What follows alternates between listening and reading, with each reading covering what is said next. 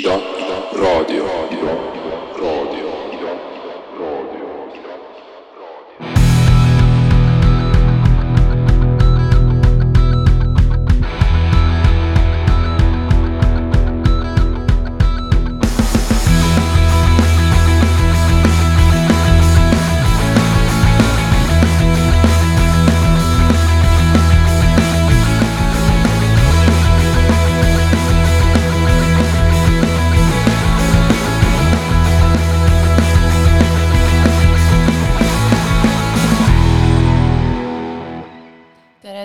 See pere! jälle on üks neist esmaspäevadest, kus Ida Raadio eetris on Eesti LGBT Ühingu saade Argielu võrdsus. mina olen Kristiina ja tänane saade läheb nii nagu iga kord, natuke räägin mina ja siis räägivad meie külalised. Aga enne veel siis äh, teadaanded ja toredad uudised. meil on olnud päris äh, tihe ja tegus sügis ja hoog ei paista veel raugu, et esiteks, mul on väga-väga hea ja uhke meel öelda, et me avaldasime Eesti LGBT pluss ajalooraamatu nimega Kalevi alt välja LGBT pluss inimeste lugusid üheksateistkümnenda ja kahekümnenda sajandi Eestist. ja see on esimene selline täiesti LGBT ajaloole pühendatud raamat, kust leiab äh, väga põnevaid, mahlaseid, äh, naljakaid ja ja õpetlikke lugusid, äh, mida muidu ajalugu väga ei tunne ja millest ei räägi alates siis üheksateistkümnenda sajandi baltisaksa aadlikest äh, kuni äh, eelmise sajandi üheksakümnendate esimeste äh, aktivistlike ühendusteni. ehk siis meil on ajalugu tegelikult pikk ja lai ja kirev ja põnev ja see on see raamat, mis ühelt poolt siis teadvustab seda nii kogukonna sees, aga ka Eesti ajalooliste, ajaloohuvilistele laiemalt ma ei tea siis, kas rõõmustada või kurvastada, pigem vist rõõmustada, et tegelikult esimene trükk on peaaegu läbi müüdud, mis tähendab, et huvi on olnud äh, fantastiliselt äh, suur ja toetav. mõned raamatud on veel saadaval meie e-poest lgbt.ee, äh, kohe-kohe jõuavad mõned raamatud ka Püändi raamatupoodi Telliskivis. Ja mingi hetk tulevikus ilmub raamat ka veebiväljaandena, nii et hoidke silmad peal, anname teada, kui peaks äh, suurem kogus juurde tulema, aga igal juhul saab neid laenutada, saab neid mõnesid veel osta, nii et head lugemist kõigile. Siis äh, teine suur asi, mis me ära tegime siin viimaste kuude jooksul, on see, et me avaldasime uuringu äh, tugeva seisukohata inimestest, ehk siis kes nad on ja kuidas nendega LGBT teemadel rääkida. tugeva seisukohata inimesed on siis need inimesed, kes ei ole ei konkreetsed toetajad ega vastased, kellel on vastakad ja äh, ja kirevad ja mm, sellised seinast seina arvamused erinevatel teemadel, mis puudutavad LGBT inimesi, ehk siis selline grupp, kellega võib-olla on keeruline rääkida, aga samas see rääkimine on seda väärt ja siis see uuringu aruanne koos siis äh, soovitustega annabki aimu, äh, kuidas võiks konstruktiivseid vestlusi pidada, et ilma, et äh, kumbki osapool nii-öelda langeks oma kaevikutesse, aga ka kuidas oma sõnumit meedias edastada ja selle uuringu leiate ka meie kodulehelt lgbt.ee kaldkriips uuringud. Veel on meil tulemas äh, terve kuhi äh, üritusi, näiteks täna toimub transinimeste tugigrupp, homme transinimeste vanemate grupp, reedel on kväärikas loominguõhtu, pühapäeval on transinimeste mälestamise päev, mille puhul toimub aktsioon, ühesõnaga, vaadake meie Facebooki lehte, kus on väga palju põnevaid ja olulisi üritusi ja kindlasti leiate sealt midagi, mis teid kõnetab aga nii palju siis sissejuhatusest ähm,, tänane saade on natuke teistsugune, sest me räägime vene keeles äh, ja meil on külas täna Vika ja Saša, nii et ma kohe lähengi äh, vene keele peale üle. Переходим на русский язык. Добро пожаловать, Вика и Саша. Добрый вечер. Добро пожаловать. Почему я вас сегодня пригласила? Это потому что эта неделя э, посвященная транслюдям и, и темах, которые касаются транслюдей, чтобы люди их лучше понимали, чтобы больше знали об этом, и чтобы поддержать транслюдей, и чтобы они сами себя как-то могли, может быть, представить миру, когда мир обычно не хочет, может быть, это видеть и слышать. Э, так что это вся неделя все посвящена этому. В э, воскресенье будет акция в городе, посвященная именно дню э, транслюдям, которых мы потеряли из-за того, как общество к ним относится. Э, так что неделя полная и радостных, и, и серьезных тем. Э, начнем с радостных. Вы недавно подписали э, такие э, важные бумажки. Может быть, поздравляю, и хотите ли вы чуть об этом рассказать? Да. Мы ровно неделю назад, после некоторых трудностей, бюрократии, подписали договор о сожительстве. Поздравляю. Спасибо. Спасибо. И как, как это прошло, как процесс? Мы же знаем, что закон еще не совсем полноценный. Ну, бумаги, они помогают. Они помогают тем, что можно их кому-то предоставить, и они будут фактически э, подтверждать наши, наш союз. Но в регистрацию эти бумаги попасть не могут. Увы, так у нас устроено сейчас. В нашей стране, которая работает электронно. Да, но, но вот пока не хотят всем разглашать, что у нас так можно, и поэтому берем то, что можем. Хорошо. Э, Может быть, еще у вас как бы интересная история. Вик, ты из Эстонии, Саша, ты из России. Э, Может, интересно, как э, люди встречаются так международно. Ох. Это на самом деле такая длинная история, и более, не знаю, даже в двух словах ее и не расскажешь. Пять Вот. слов? Десять? Но, да, мы, то есть я должна была, мы должны были жить в Эстонии, но с другим человеком. И уже прямо собирались, выбирали, там, смотрели фильмы про Эстонию, нам прям очень нравилась Эстония. Еще до войны, до всех событий. А потом а, случились, собственно, случилось, собственно, то, что случилось. Мы выехали, въезд в Эстонию усложнился, было неизвестно, удастся ли сюда попасть. И, в общем, так вышло, что мы разделились. Мы- я приехала в Эстонию, приехал сначала в Испанию, потом в Эстонию. И вот в Эстонии так вышло, что познакомилась с Викой. Причем, не знаю, она так, так рада была меня видеть, даже в первый день. Меня это удивило, и как-то, в общем, мы так сначала проводили время вместе, потом решили пожить вместе, ну, в общем, как-то решили дальше.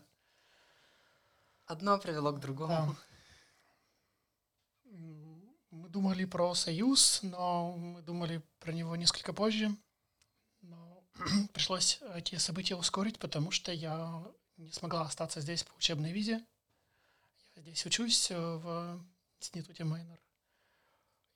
И поэтому мы решили несколько ускорить вопрос с союзом, так скажем. На самом деле мы думали, что мы успеем, и что это займет не так много времени, потому что я читал истории заключивших брак в такой же ситуации, э, и у них это заняло суммарно около месяца, и я думала, что это получится сделать быстро. Но у нас это заняло около трех месяцев. А почему так получилось? А, Во-первых, никто не нет форм документов, их м, составляет нотариус, а, точнее их составляет юрист, и их как бы нельзя, в отличие от формы для браки, брака, скачать. А, Нужно запрашивать эти формы, потом нужно получать разрешение суда, и это, в общем, больше месяца занимает времени. Потом нотариус все проверяет. У нас, в частности, была ошибка в документах, и что еще удлинило немножко процесс. Вот, но суммарно это занимает вот примерно столько времени. В общем, бюрократия. Но в итоге все получилось. Подпись стоит, Кольца есть.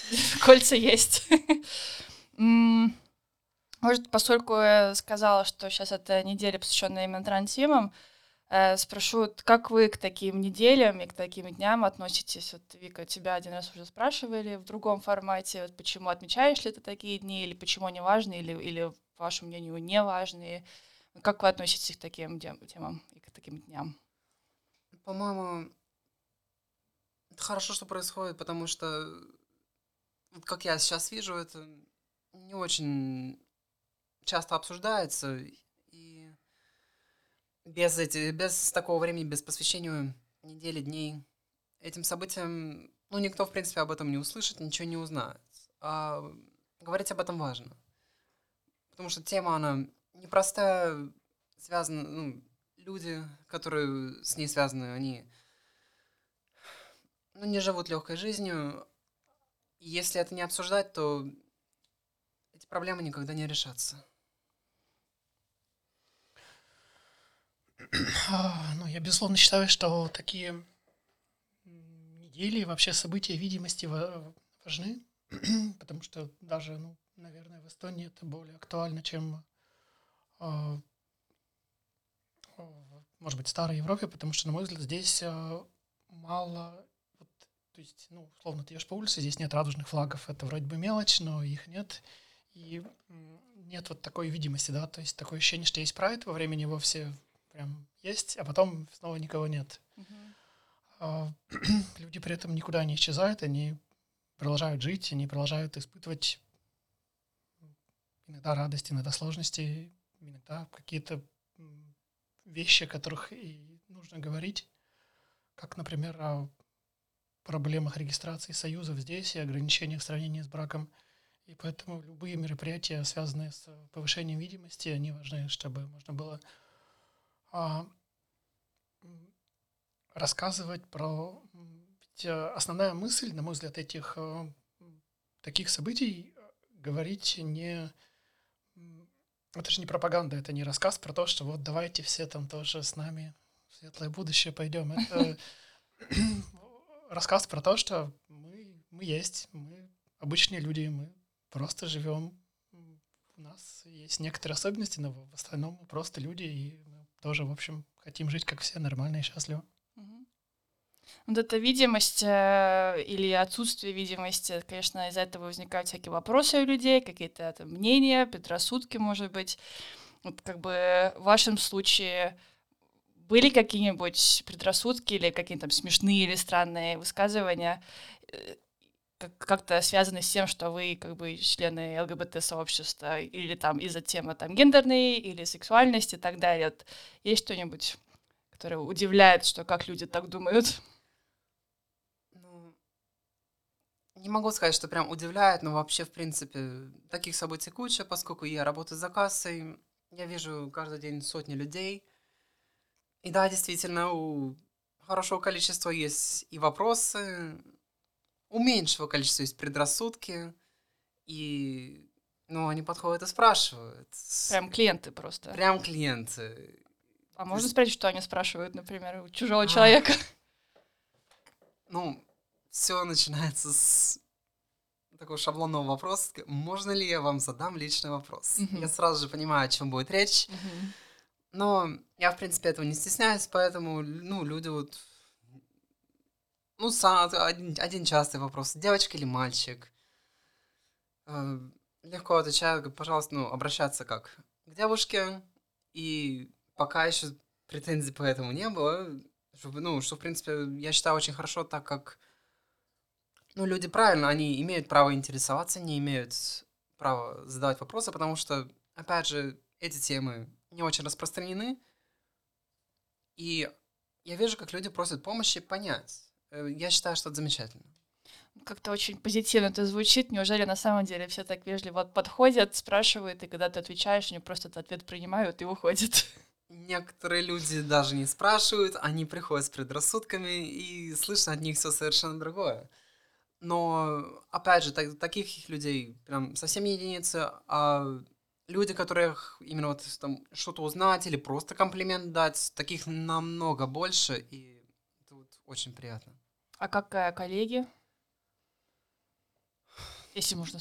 Не, ну, конечно, можно. Дело в том, что переход стал делать уже, ну, сколько там, почти три года назад, больше, чем три года назад, и все уже, ну, мне хочется верить, что они забыли, каким я была, э, как- каким человеком была, который пришел к ним. Но во всяком случае, по обращению, по поведению, есть как будто я всегда такой была, и они ко мне отлично относятся. Ну, люди и привыкают, наверное, если они не пытаются не привыкнуть. Там всего единицам потребовалось побольше времени привыкнуть, чем остальным, но даже поначалу большинству не составило труда ко мне иначе обращаться. А со временем просто уже все, все так перешли, что как будто прошлого меня и не было. Мгм. А как-то насчет ваших отношений, как-то есть тоже какие-нибудь моменты? Люди нас очень рады видеть. Замечательно. Ну, Соглашусь, да. А, а почему, откуда такая радость? Ну, Не знаю, может быть, мы сами делимся радостью и, в общем, может, Может- поэтому, не знаю. может, видеть, как мы улыбаемся, может, просто людям нравится, как мы выглядим вместе. Ну, дело в том, что так ну, не подойдешь, не спросишь, а чё вы это вы рады нас видеть? Ну, может, как-то делится. Просто, ну, я чуть знакомый момент, когда я первый раз тоже в девушку влюбилась, абсолютно неожиданно, без понятия было, что такое может быть для меня возможным.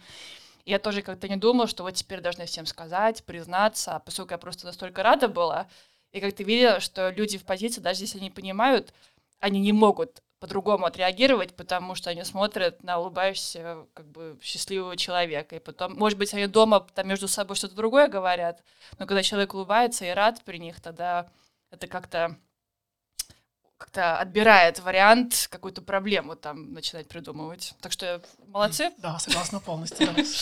Я думаю, что дело в этом. да.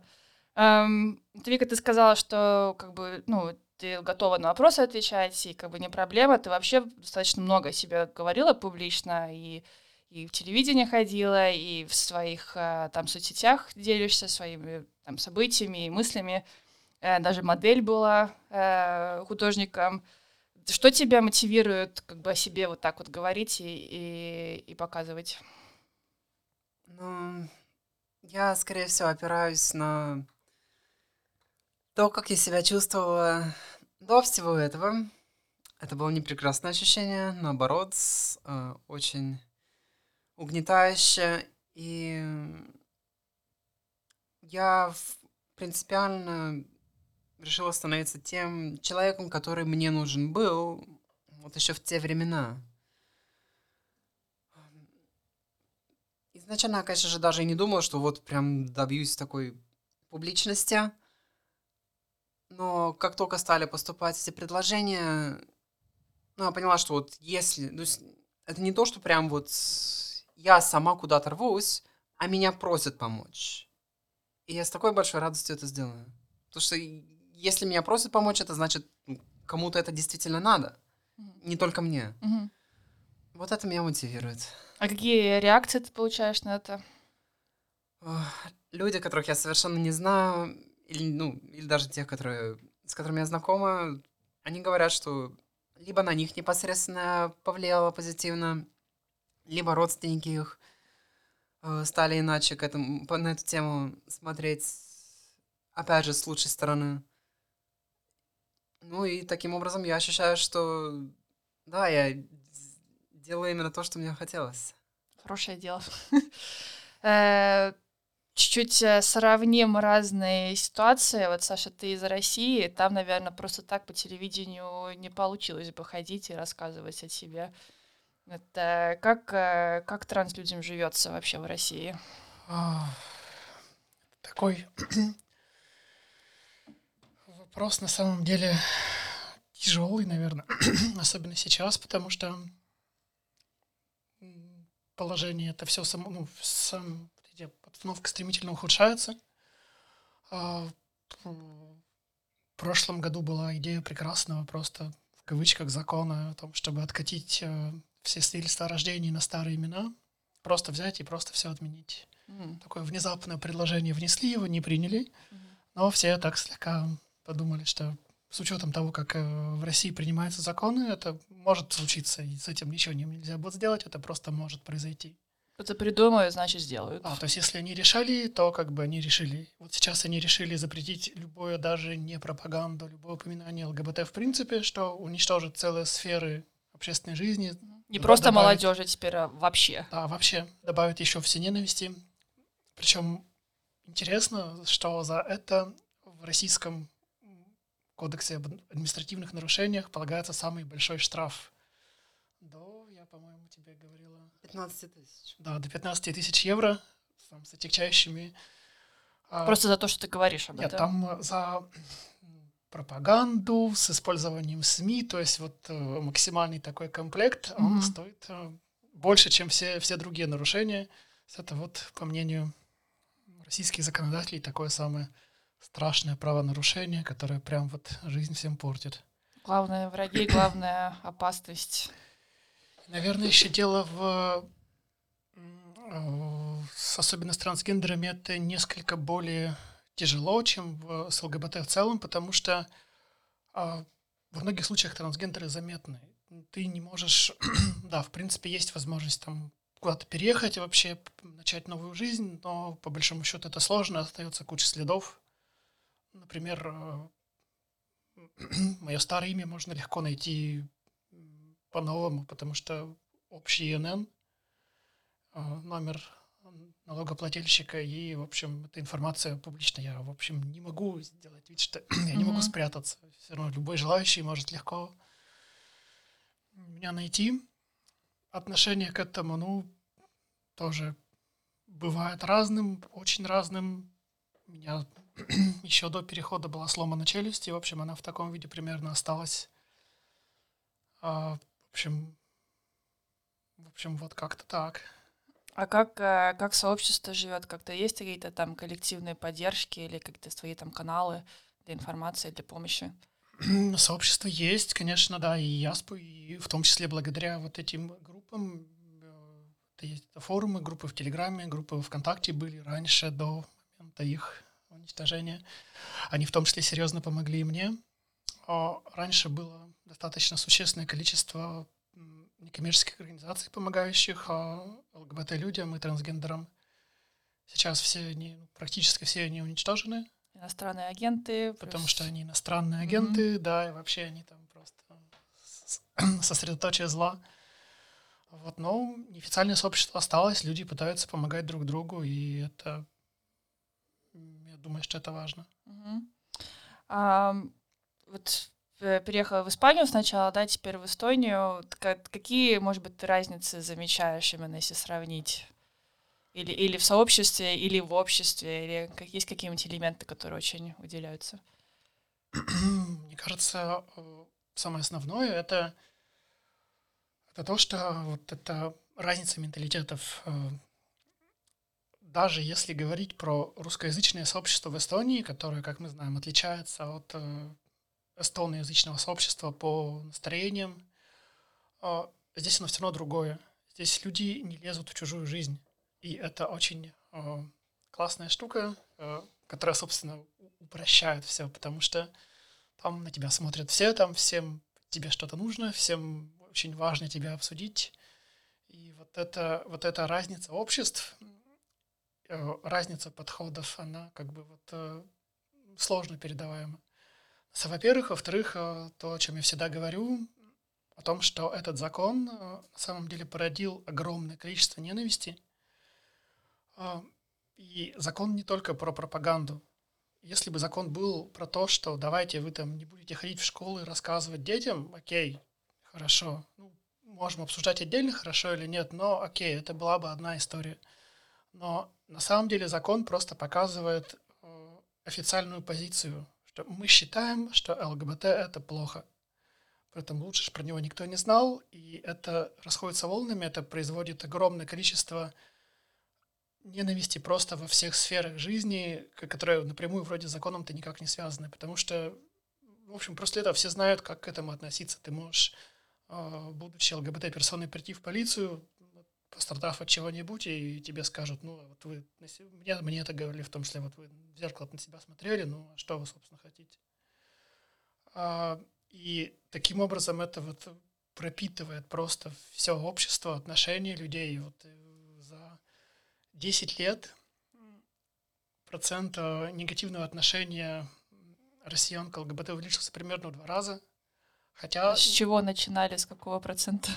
Вот я не помню точно цифр, но там порядка 40-80% вот где-то в этих 30-70, я не Мгм. помню точно, но вот э, такой большой рост, несмотря на то, что за это время ничего не происходило, не было массовых там каких-то преступлений, ни- ничего, да, просто вот, э, э, появился этот закон, появилась эта риторика, э, Дали сигнал, и люди... про это стали рассказывать. И да, по, по самому закону, по исходному, по нему даже конкретно штрафов-то не так много было. Но вот э, то, что он породил как бы таким вот косвенным эффектом официальной позиции государства, что это мы считаем плохим, вот это породило гораздо больше ужаса.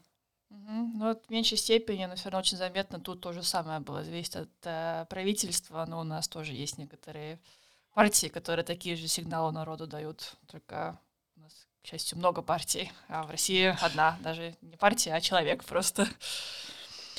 Так, а давайте сделаем маленькую паузу после серьезных тем. Спасибо, конечно, что поделилась. Э, Вика, твоя песня. Хочешь что-нибудь сказать про нее? Ну, она мне нравится тем, что она отображает то, чем я занимаюсь, и то, чем я хочу заниматься. И как называется? Потом скажем.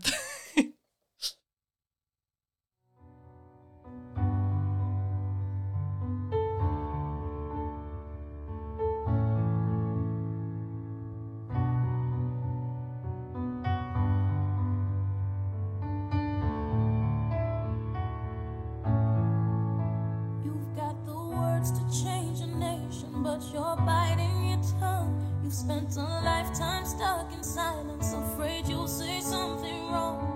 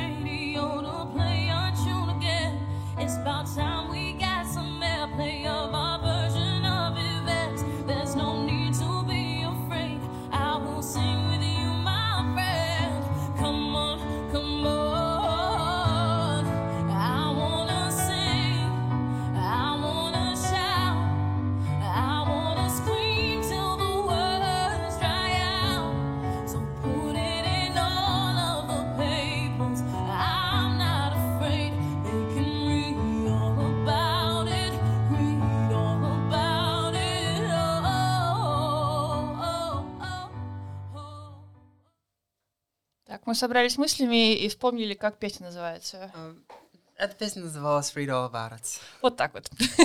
Э, Продолжим с интервью. Эм, Про транс-людей очень часто, может быть, как бы главная перспектива, которая говорят о транс-людях, это медицина. Бы система так настроена, что транс-людей как-то видят через медицинскую этот фильтр, и экспертами, главными экспертами считаются не люди сами, это может быть не активисты даже, или там, скажем, не психологи, а именно врачи. И у врачей как бы большая, эм, большая роль в том, как вообще транслюди могут себя, по крайней мере, в Эстонии вообще жить, что могут для себя делать, какие решения могут для себя принимать.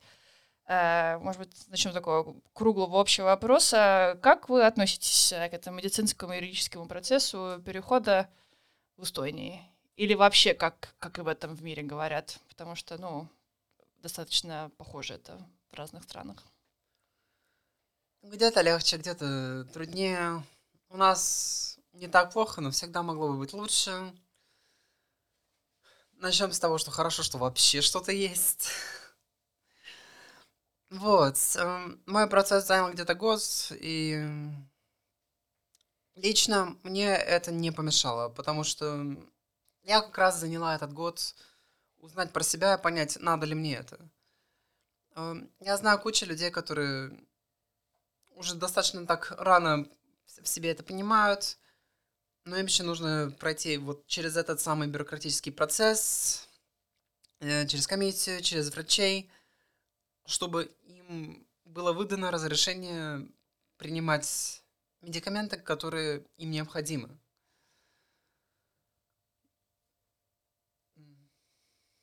А что могло бы измениться в этой системе, если ты говоришь, что они не идеальны? Постепенно, ну, в идеале, конечно же, там, без комиссии, без, без рецептов можно было бы покупать. С другой стороны, я понимаю, конечно же, как общество это, в принципе, может беспокоить, что уж, уж неужели каждый человек так мог бы своевольно этим заниматься? По-моему, здесь в этом нет ничего плохого. Те, кому не надо, этого делать не будут. Но не знаю, когда мы к этому придем. Меня в Эстонии есть э, подруга. Она сейчас, по ее словам, она сейчас э, находится в процессе смены документов, но документы ей сменят только через два года. А, Несмотря на то, что сейчас она хорошо, абсолютно женственно выглядит, она живет уже в новой роли, новом гендере, точнее, исходном гендере, да, подтвержденном. А, но а, она сменила просто э, имя и фамилию, а, оставив гендерный маркер такой, какой он был, потому что она, по ее словам, она сможет это сделать только через примерно два года. И, на мой взгляд, это, ну, как-то бессмысленно долго, да, то есть если факт уже произошел, то, в общем, зачем? А два года, потому что надо что-то другое еще сделать до этого? Или, или в чем дело? по ее словам, процедура такая, что должно, она начала официально гормонотерапию только вот в этом году, и должно пройти, по ее словам, два года. Мгм. А, да, потому что часто бывают же люди, которые не хотят вообще никакую терапию проходить, они просто хотят документы поменять, но они как бы для этого они обязаны пройти какие-то процессы, которые они хотят, и это как бы отби- отбирают вообще твою как бы автономию, решать, как ты хочешь жить, что ты хочешь делать с твоим своим здоровьем. То, что именно про как бы через медицину очень часто говорят, а, наша коллега Сара, она тоже много об эт- об этой теме говорит, и она, например, сказала, что вообще, когда человек, в том числе тогда транс-человек, приходит э, к врачу, скажем, тогда вот в кабинете главная роль должна быть у него, а не у врача, потому что очень часто врачи как бы берут для се- на себя эту ответственность, что вот каждое решение, которое человек принимает, я как-то за это отвечаю. И этот как бы пациент видится как ну, как не, главный человек в этой ситуации, а как-то вот именно пациент, который не понимает тему, хотя, с другой стороны, это человек, который сам принимает для себя решение, который знает, почему он там, что ему надо, э, и какой, какую жизнь он для себя хочет построить. Если, если не через медицину, тогда вот как, как на эту тему вообще, по, по вашему мнению, можно было смотреть? Через, через какую перспективу, с чьей стороны самое главное эта перспектива получается? Я думаю, ну, почему, в принципе, через медицину на так смотрят, потому что на врачей смотрят как на взрослых, опытных, знающих людей, у которых можно что-то спросить, и, ну, и узнать, и, соответственно, поэтому в первую очередь обращаются к ним. А, Можно, ну, можно попробовать спросить непосредственно у допустим, транс-человека. Такого знать нужно, с таким нужно, не знаю, не побояться просто поразговаривать, а предрассудки это часто этому мешают. А вот медэксперт, он как бы есть, и вот что он скажет, то, то значит, значит так и должно быть. М, Иначе, по-моему, иначе просто со временем информация, она сама по себе будет распространяться, и медэксперты будут задавать, ну, спрашивать только необходимые вещи по медицине, а, а не по тому, кто, кто есть так, вот, человек. Ну, как, как любой другой человек, по идее. Ходит к врачу для именно такой помощи, а не для больших, там, чтобы найти большие ответы о жизни. Ну, в том-то дело, что по- пока нету ни желания, ни источников. Не, ну источники есть. Э, Нету знания этих источников, ежели врачи, с которыми можно вот на эту тему поболтать. Разделила на самом деле этот вопрос на несколько, да, потому что, с одной стороны, мне не кажется очень такой прекрасной идеей, э, когда нужно врачу что-то доказывать. Ты как будто приходишь к нему и сдаешь экзамен на право быть тем, кем ты хочешь быть. И это, в общем, даже в платных клиниках в России похоже примерно на это. Ты заполняешь там тесты, в том числе там какие-то разные совершенно не имеющие отношения вопросы, например, там про твою ориентацию, которая, в общем, как бы к делу-то отношения не имеет. И много-много таких характерных вопросов. Вот, и с одной стороны, я понимаю, что за- заставлять человека сдавать экзамен у врача — это такой какой-то бред, с одной стороны. С другой стороны, я понимаю, что вот такие вмешательства, они, в отличие от многих других, многие из них а, необратимы. И какой-то а, какой-то фильтр, чтобы а, человек не не сделал глупостей, не знаю, так скажем, какой-то фильтр, я думаю, должен быть. Вот, и поэтому это можно разделить на, во-первых, э, вопросы с документами, где можно, м, здесь много разных вариантов, можно просто отказаться от гендерного маркера вообще. Зачем он в современном мире, не совсем понятно, ну или желающие могут его себе ставить, желающие могут не ставить. Чтобы не решать этот вопрос вообще, да, там, пора, два года прошло, ну, откажись от буковки вообще. А с другой стороны, медицинский вопрос, он, конечно, такой вот, ну, ну, сложный, да. То есть, конечно, в первую очередь должен быть, э, должен решать человек, потому что только человек может понять, кто он. Только человек может, э, да, врач может помочь э, человеку, человеку в этом понимании, может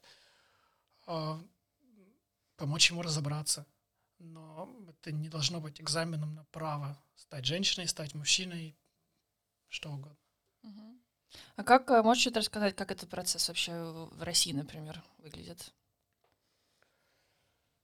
А, В России процесс, с одной стороны, э, для многих проще, потому что многие препараты, мере, были доступны без фактически без рецепта, и поэтому большое количество а, людей начинает терапию просто самостоятельно на свой страх и риск. Да, это опасно, но, но это просто.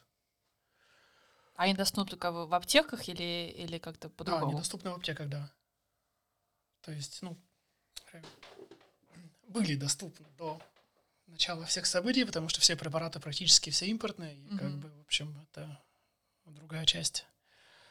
Вот, но раньше, да, они были доступны фактически без рецепта, что позволяло многим начинать терапию таким образом. А так как обычно в России есть, ну, как и многие другие вещи, в России есть два пути. Первый путь дорогой и достаточно удобный, когда это две платных комиссии общей стоимостью примерно, наверное, 1000 евро. Вот там к тебе относятся, ну, несмотря на некоторые странные вопросы, там к тебе относятся как к человеку, это платная клиника. Потому что платно. Да. Первая, первая комиссия разрешает тебе гормонотерапию, вторая комиссия разрешает смену документов. В принципе, какого-то промежутка между ними не обязана.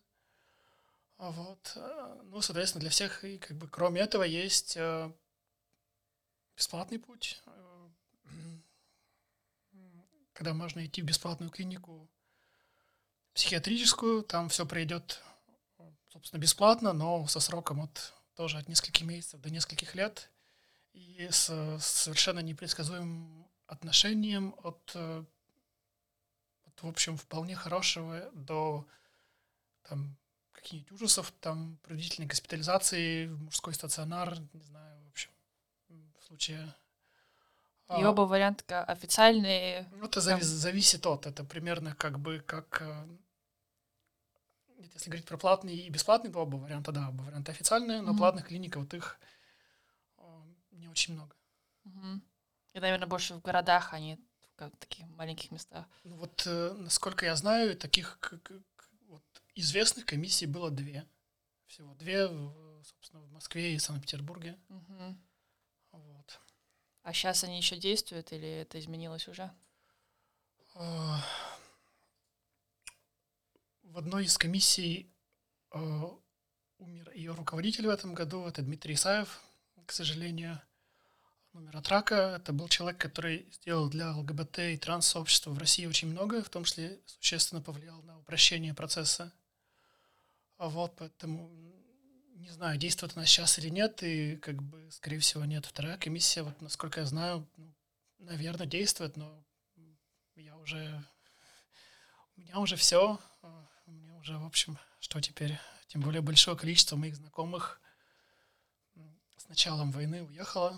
Кто был до смены документов, кто был после. В общем, существенная часть э, выехала, ну, кто куда смог.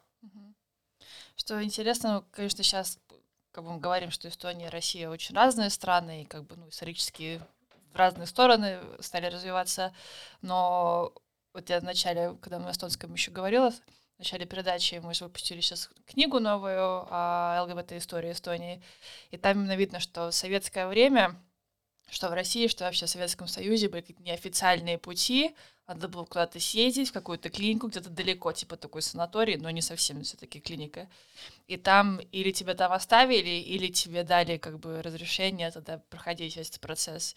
И когда Эстония тогда стала независимой, тогда стали говорить очень медленно о том, что надо, как-то отрегулировать это все, что больше так неофициально мы больше не можем продолжать.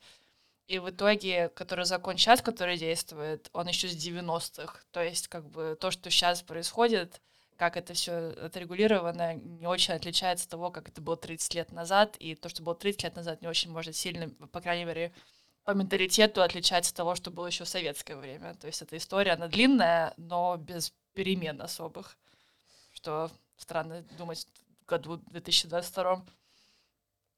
Эм, что бы вы, эм, ну, скажем, сейчас мы в Эстонии, но а так, в общем, как бы всякие эти комиссии, процессы, они похожи в многих местах. Что бы вы посоветовали людям, которые как-то подготавливают или комиссии, или вообще какому-то процессу, где надо себе объяснить, как-то показать и как кому-то подтвердить, что я знаю, что я делаю. Ну, уверенность в этом плане делает львиную долю работы. Ам, У меня поэтому было все достаточно таки просто. Я, ну, когда у меня дошло дело до первой комиссии, я уже себя достаточно хорошо понимала и, в принципе, пришла и сказала, что вот мне нужно, видите меня, мне нужно это. Они позадавали вот некоторые вопросы, которые мы сегодня уже обсуждали, ну и просто решили, что да. Эм, Я в себе на тот момент ну, не, не сомневалась, и поэтому, ну, я так понимаю, что с их точки зрения они меня и не видели никого, кроме как вот кем я действительно являюсь. Но опять же, это уверенность, она у меня была далеко не всегда. Я к этому очень долго шла, и никак не могу сказать, что это очень просто или даже, даже чуть-чуть легко. Это дается очень тяжело, но как только появляется эта самоуверенность, то очень много проблем этим самым и решаются. Что бы ты посоветовал людям, которые начинают процесс или думают о том, что надо кому-то доказывать будет или как-то объяснить себя?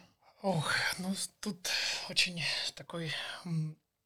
Когда мы обсуждали с друзьями, с даже не знаю, как бы с членами сообщества этот вопрос, то мысль там, в общем, проста. Если вот э, если э, так вышло, что с тобой это случилось, ты, ты трансгендер, ты все равно от этого не... То есть ты, ты можешь только от- отсрочить этот процесс, но ты не сможешь от него убежать. Просто поэтому я бы рекомендовал не бояться, потому что все в реальности происходит часто легче и проще, чем кажется, даже даже в России, несмотря на количество, на какое-то количество сложностей, э, мой переход прошел э, легче, чем я ожидала. Я ожидала большего количества проблем, проблем было меньше, чем я ожидала даже там. Вот, поэтому нас просто нас и не боятся, не боятся в том числе комиссии, не боятся, ну, комиссия, она од- один раз, и, в общем, там же примерно все равно сразу всем видно. Вот, э, там, видно, что тебе это надо или нет. Ну, это, это видно. Поэтому вот так. Хорошо, и чтобы эту мысль закончить, давай послушаем твою песню. Хочешь что-нибудь о ней сказать или просто давайте слушать? М, Это песня, это просто песня про свет. В современном мире очень не хватает света, очень не хватает надежды, и э, я бы хотела, чтобы она здесь тоже была. Ну, Если кое-кто это слушает, то она поймет. Слушай.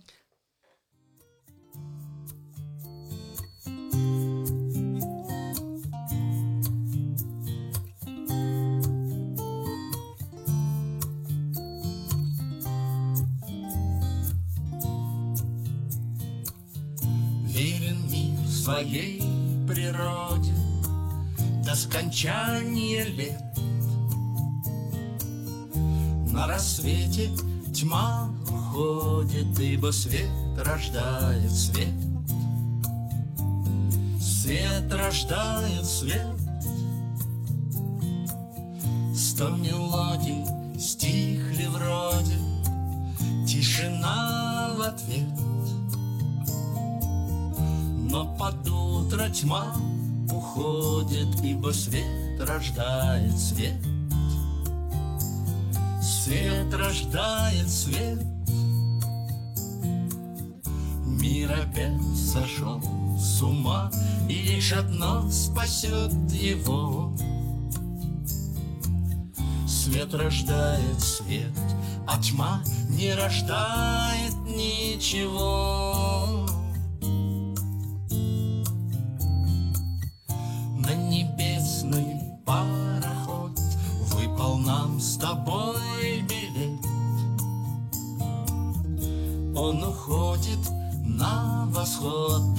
Где свет рождает свет. Свет рождает свет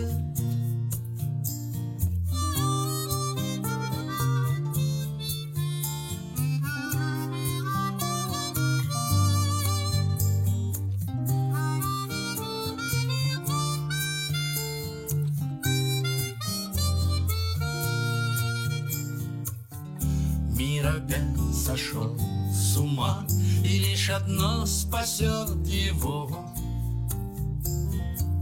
Свет рождает свет, а тьма не рождает ничего.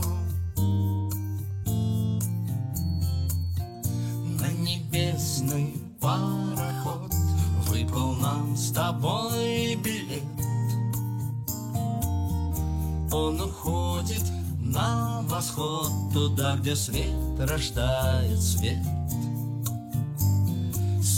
рождает свет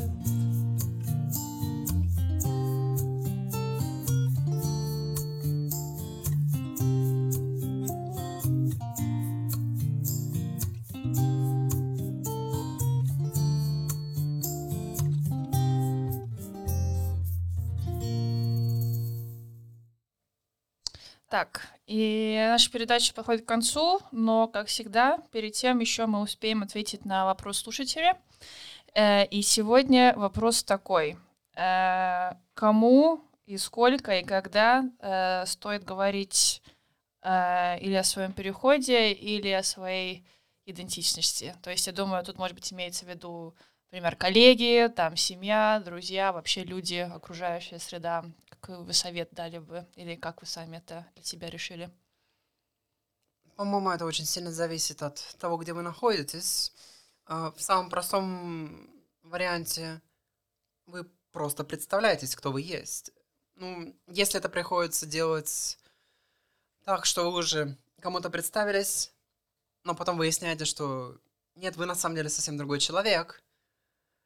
Эм, Я считаю, что об этом стоит говорить только тем людям, которые вам важны, и чье мнение вам действительно важно. Эм, Посторонним людям на вас, скорее, ну, на вас будет все равно, и их мнение на вас тоже не должно влиять. Ну, а, мне кажется, что э, говорить нужно тем, кто об этом спрашивает, в том числе, да. То есть я не вижу, я считаю, что это не нужно скрывать, это не, это не что-то плохое, о том, что нужно там вот как-то скрывать этот факт, что я там, я живу с девушкой, я трансгендер, я кто угодно еще. Потому что в этом нет ничего плохого, а в сокрытии э, отношении к этому, к чему-то стыдному, в общем, ничего хорошего нет. Это портит жизнь свою, это портит жизнь, в общем, других людей, которые тебя не видят, не- не видят, что такие люди есть. И так, конечно, делать не надо, жить в шкафу не надо, это абсолютно плохая идея. С одной стороны. С другой стороны, конечно, нет смысла рассказывать, там, ты приходишь э, в магазин, не знаю, что-нибудь покупать, и говоришь, привет, я Саша, я трансгендер. Это тоже бессмысленно, потому что, в общем, когда ты приходишь покупать хлеб, в общем, неважно, кто ты, это не имеет значения. Главное, что Поэтому- кошелек с собой. Да, поэтому я просто я не рассказываю всем, не хожу по улице с плакатом, но если, но и не, не пытаюсь это как-то скрывать, потому что в этом нет ничего плохого, это такой тоже вариант нормы. Я, в общем, просто человек. А если, скажем, такая ситуация, что, например, там человек там учится или работает где-то, и вокруг какая-то одна определенная группа людей, может быть, никто не спрашивает, но ты знаешь, что они как бы они не могут не заметить, что, может быть, какие-то перемены там происходят. Как, как бы, может быть, к этому подойти, что, типа, не буду ничего говорить, пока не спросят, или как-то подготовиться все-таки к кому-то- какому-то разговору? Есть ситуация, допустим, достаточно распространенная, где человек в себе недостаточно уверен, чтобы просто это вот взять начать делать перед всеми этими людьми. И, скорее всего, такой человек захочет найти самого безопасного коллегу или, не знаю, э, то, с кем он там проводит время, ну и попросит, попросит поддержать. Э, Дай бог, такие люди вообще есть. Иначе будет действительно казаться, что ну, опасно это все делать, начинать делать, потому что, да, действительно, люди начнут задавать вопросы, а дальше уже будет зависеть от того, насколько вы уверены в себе, насколько вы уверенно сможете отстоять свою позицию. А если, например, вот там в коллективе, может быть, там отношения нормальные, нет такого близкого человека, и вообще в жизни особо нет с кем поделиться, тогда где человек мог бы найти людей, кто, может, типа, понимают или что-то похожее прошли, или как вообще, если понимаешь, что у тебя в жизни какие-то процессы проходят, а вокруг нет никого другого, кто мог бы понять, что в такой ситуации можно было бы сделать. Ну, в Таллине, в частности, есть несколько коллективов, к которым можно обратиться по этому поводу. Русско, англо, эстоноговорящих. Э, На эстонском и английском наш ЛГБТ-центр. Там всегда кто будет, и э, будет кто сможет помочь. Также там же проводится куча мероприятий, на которых можно познакомиться с такими же люд- людьми, как вы. Они, соответственно, поддержат. Ну, Я с тобой тоже, например, через работу познакомилась, когда ты э, пришла к нам на мероприятие. Вот как на тебя, может, может рассказать, на тебя так это повлияло или что-то? Дало тебе что-нибудь? Мне это дало сообщество людей, с которыми я могу быть самой собой, с которыми мне безопасно быть самой собой, что самое важное. Это было еще до того, как я там, перед всеми призналась, потому что там-то, ну, в семье, на работе я не имела никакого представления, какая там реакция будет. Ну, а если есть специальные коллективы, где таких людей, как я, вполне, ну, достаточно много, ну, я бы удивилась, если бы там с непониманием обратились. Ну, соответственно, все было очень хорошо. Ну, здесь я, наверное, могу добавить, то есть, да, важна поддержка, и действительно коллективы, в принципе, если бы я в России знала какие-то контакты, у меня были бы какие-то контакты с сообществом раньше, я бы с очень высокой вероятностью совершила переход раньше, потому что э, в одиночку без вот таких контактов очень сложно даже просто признаться себе, что как бы да, это, это происходит правда со мной, это, это вот э, не какая-то история, это не показалось, это вот прям так, и это нормально. То есть даже если информация есть, то просто как-то признаться сложно. Признаться было очень сложно. И поэтому такая поддержка, конечно, важна. Вот э, любые люди, которые примерно то же самое делали, ты видишь, что они есть, они, в общем, не знаю, ходят на тех же двух ногах и по той же земле, в общем, э, и все становится сильно проще. По поводу коллектива, ну, по поводу коллектива здесь, в общем, зависит от коллектива. Ну, мне кажется, что вот в случае перехода скрывать уже, ну, по большому счету скрывать бессмысленно, все равно произойдет. И уж проще сразу сказать, что вот, в общем, ну, наверное, так. Если при этом вы чувствуете, что коллектив совсем точно не получится, ну, вы же к нему не привязаны, можно сменить коллектив, можно... э, Да, есть люди, которым проще все-таки сменить коллектив или на какое-то время уйти в отпуск и там, м, заняться собой, потом вернуться. Но в любом случае, мне кажется, сказать проще. После этого вот... Тем более в Эстонии мне тут сложно представить какое-то негативное отношение в этом случае, но вот даже если... Не знаю, по крайней мере, пока никто про него мне не говорил. Ну, эстонцы, да, такие, вот, думаем, говорим все что угодно, только обычно как-то приватных как-то обстоятельствах мы как-то очень ценим и свое как-то личное пространство, и поэтому не тыкаем в чужое. Э, У нас осталось три минуты. Хотели бы что-нибудь еще на окончание сказать? Что-нибудь кому-нибудь привет передать? Или, может быть, сказать, где вас найти можно, если хотите, чтобы люди вас нашли? Ну, в принципе, в большинстве соцсетях Виктория Шпирова, как есть имя фамилия. Я считаю, что меня легко найти. Ни от кого не скрываюсь. Ну, даже не знаю, чего еще добавить. Больше не надо. Все, тогда спасибо вам, э, что пришли. Э, Поздравляю еще раз. Удачи со всем. И теперь моя очередь. Я недавно посмотрела фильм по имени э, «Треугольник печали», и там была отличная песня, название, которое я не помню, но слушаем.